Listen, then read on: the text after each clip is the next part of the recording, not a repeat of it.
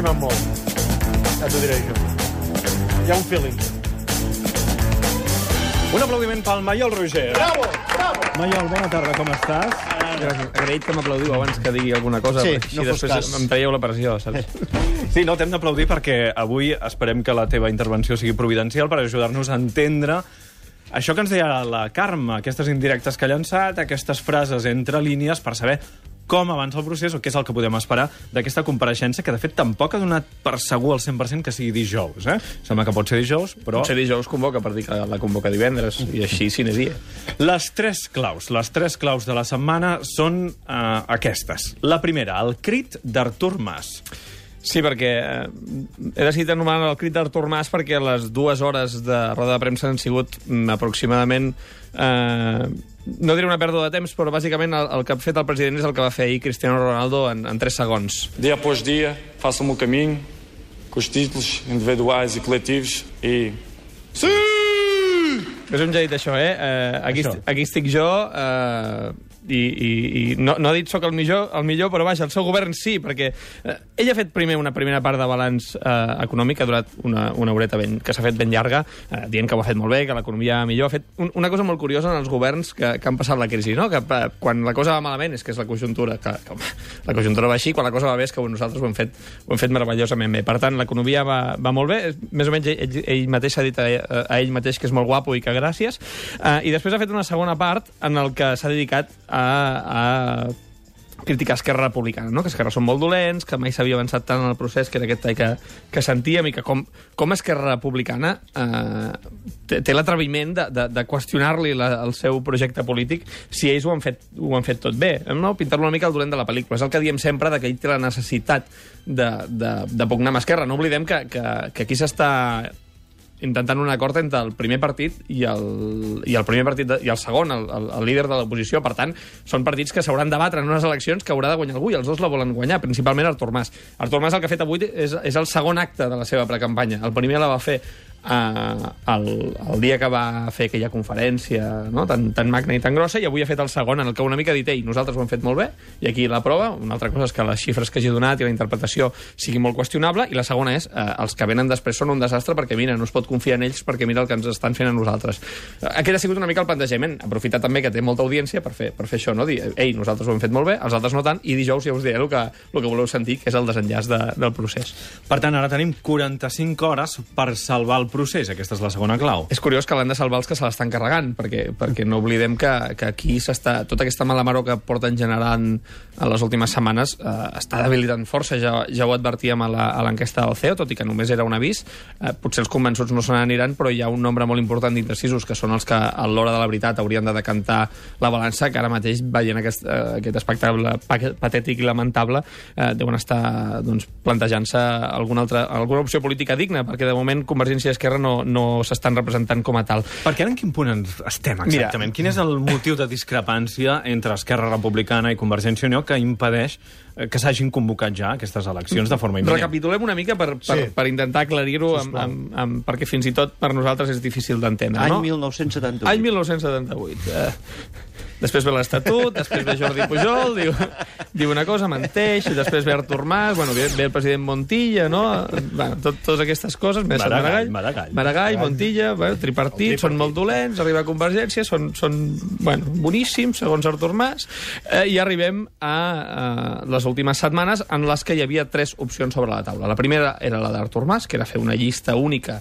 uh, amb Esquerra Republicana i un gruix d'independents que permete, convocant eleccions de forma immediata per avançar en el procés i, i presumptament fer un, un, un govern que ja des del primer moment estigués encarat cap a la independència. La segona era la d'Esquerra Republicana, eh, que tampoc l'ac- l'acceptava, que és eh, doncs, aquesta mena de tres llistes transversals, no? de, de, de una del president, l'altra d'Esquerra i l'altra de, de l'Esquerra Alternativa, i hi havia una tercera proposta, sorgida, sembla ser, de les entitats socials, que diu, fem una cosa, si el president Mas el que vol és una llista d'independents, una llista presidencial, que tots els independents, òbviament els, els, els, els que vulguin o els sorgits d'aquestes entitats, vagin a la llista del president, que Esquerra es presenti amb les seves sigles normals, i que eh, les eleccions també siguin el, el mes de març. És a dir, que les eleccions fossin el, el, el mes de març o, o de forma immediata les properes setmanes era una cosa que no estava gaire sobre la taula.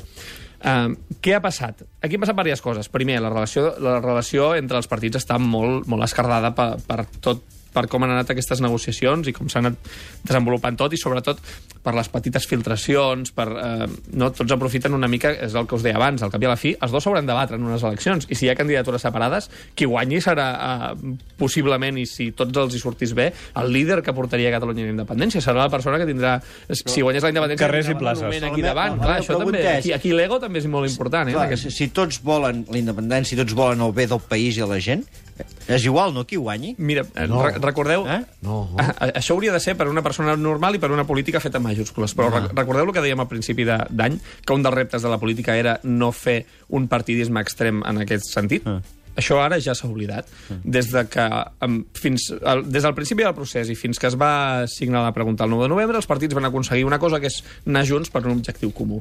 Quan eh, aquell pastís s'ha trencat, quan, quan es trenca tot entre Convergència i Esquerra, aquella nit en la que Oriol Junqueras surt superenfadat d'una reunió, no sé si us la recordeu, aquí ja, aquí campi qui pugui i, i, i últim tonto, no? I, i, i qui surti guanyant d'aquesta pugna per evidenciar que s'ha trencat la unitat és qui ells pensen que guanyarà les eleccions. Després els votants faran el que sigui, és que els votants igual diuen, escolta, jo estic fart d'això, És i veig que el procés no és una sortida, Perquè... perquè... de cara, eh? perquè- Digue'ls ja quan els vegis i Clar, em és que que està ben tipet d'uns i d'altres, eh? I, i com tu, mm, Ah, centenars i milers de persones. una llista jo. Ah, Ahir l'Assemblea va, fer, va, fer, va fer córrer un hashtag d'acord i eleccions ja i el que deia la majoria de gent és eh, n'estem farts, n'estem farts d'aquesta tonteria perquè en el fons és, tot això és tonteria política, és metapolítica, que és que, que, que a l'hora de la veritat no, no significa res i, i que eh, la pregunta que has fet tu és, és molt adient. Si, si el, ells volen la independència, per què s'estan discutint? Doncs s'estan discu- discutint bàsicament per qui la lidera.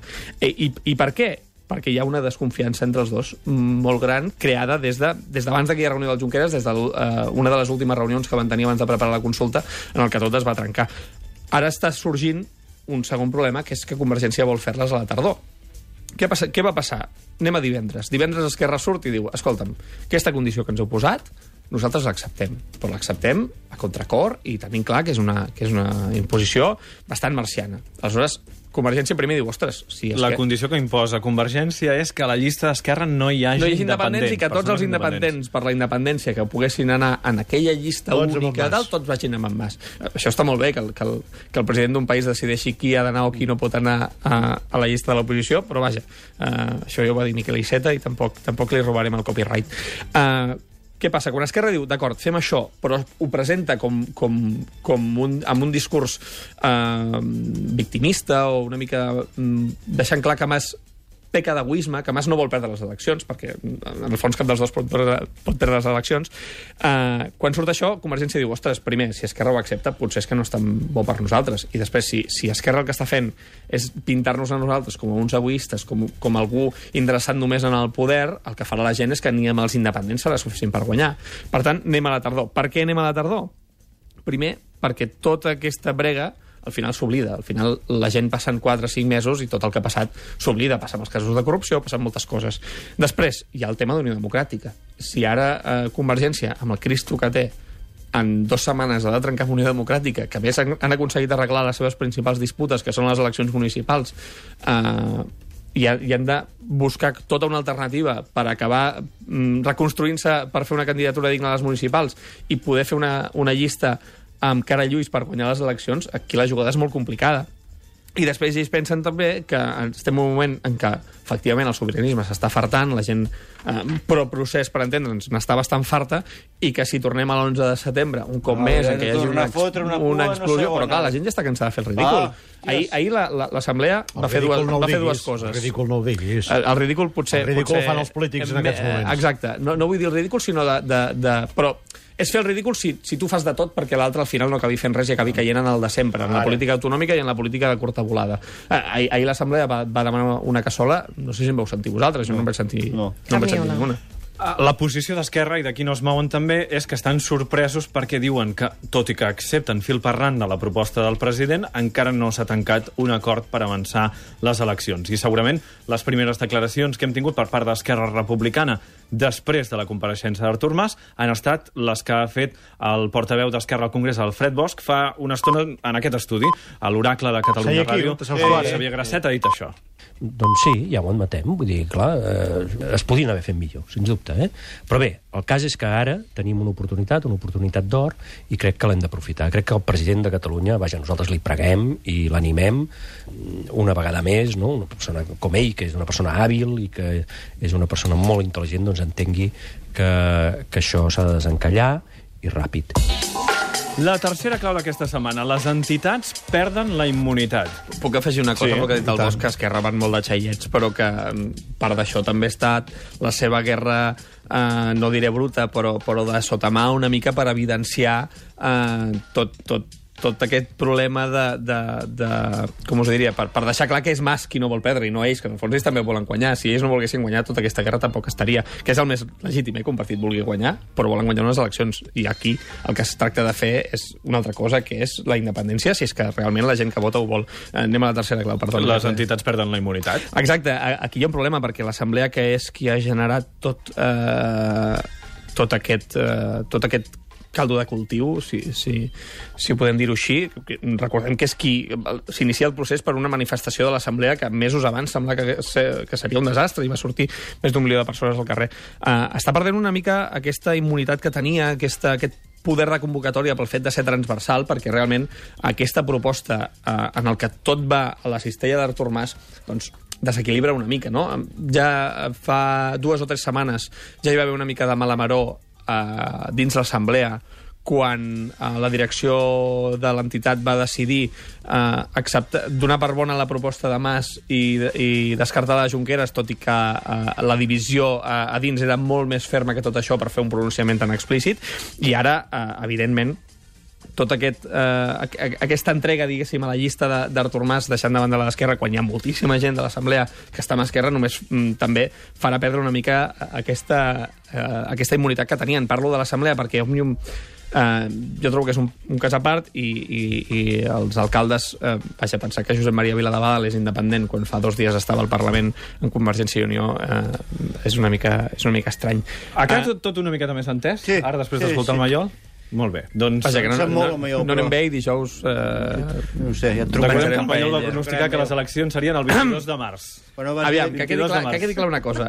Aquell dia vaig dir la, una de les propostes que està sortint amb força és que eh, els independents vagin... Hi hagi una llista forta d'independents que vagin amb Artur Mas i que siguin al març, perquè era si Convergència acceptava la proposta de les entitats i Esquerra l'acceptava, era el més plausible. Si Convergència ha sortit ara amb una, Ja, ja, amb ja, una ja, aventura, ja, no és culpa ja, ja, meva. ja. I sou vosaltres els que m'obligueu a dir dates. I Jo... no vas dir de quin any. I no vaig dir de quin, de quin any, exacte. No, no, i, i recordem que al gener vaig acertar les de Grècia i segur que Exacte, algun, algun país de del món hi haurà. Kirguizistan igual ha eleccions del 22 de Gràcies, març. Mallol, que vagi A vosaltres. Adéu.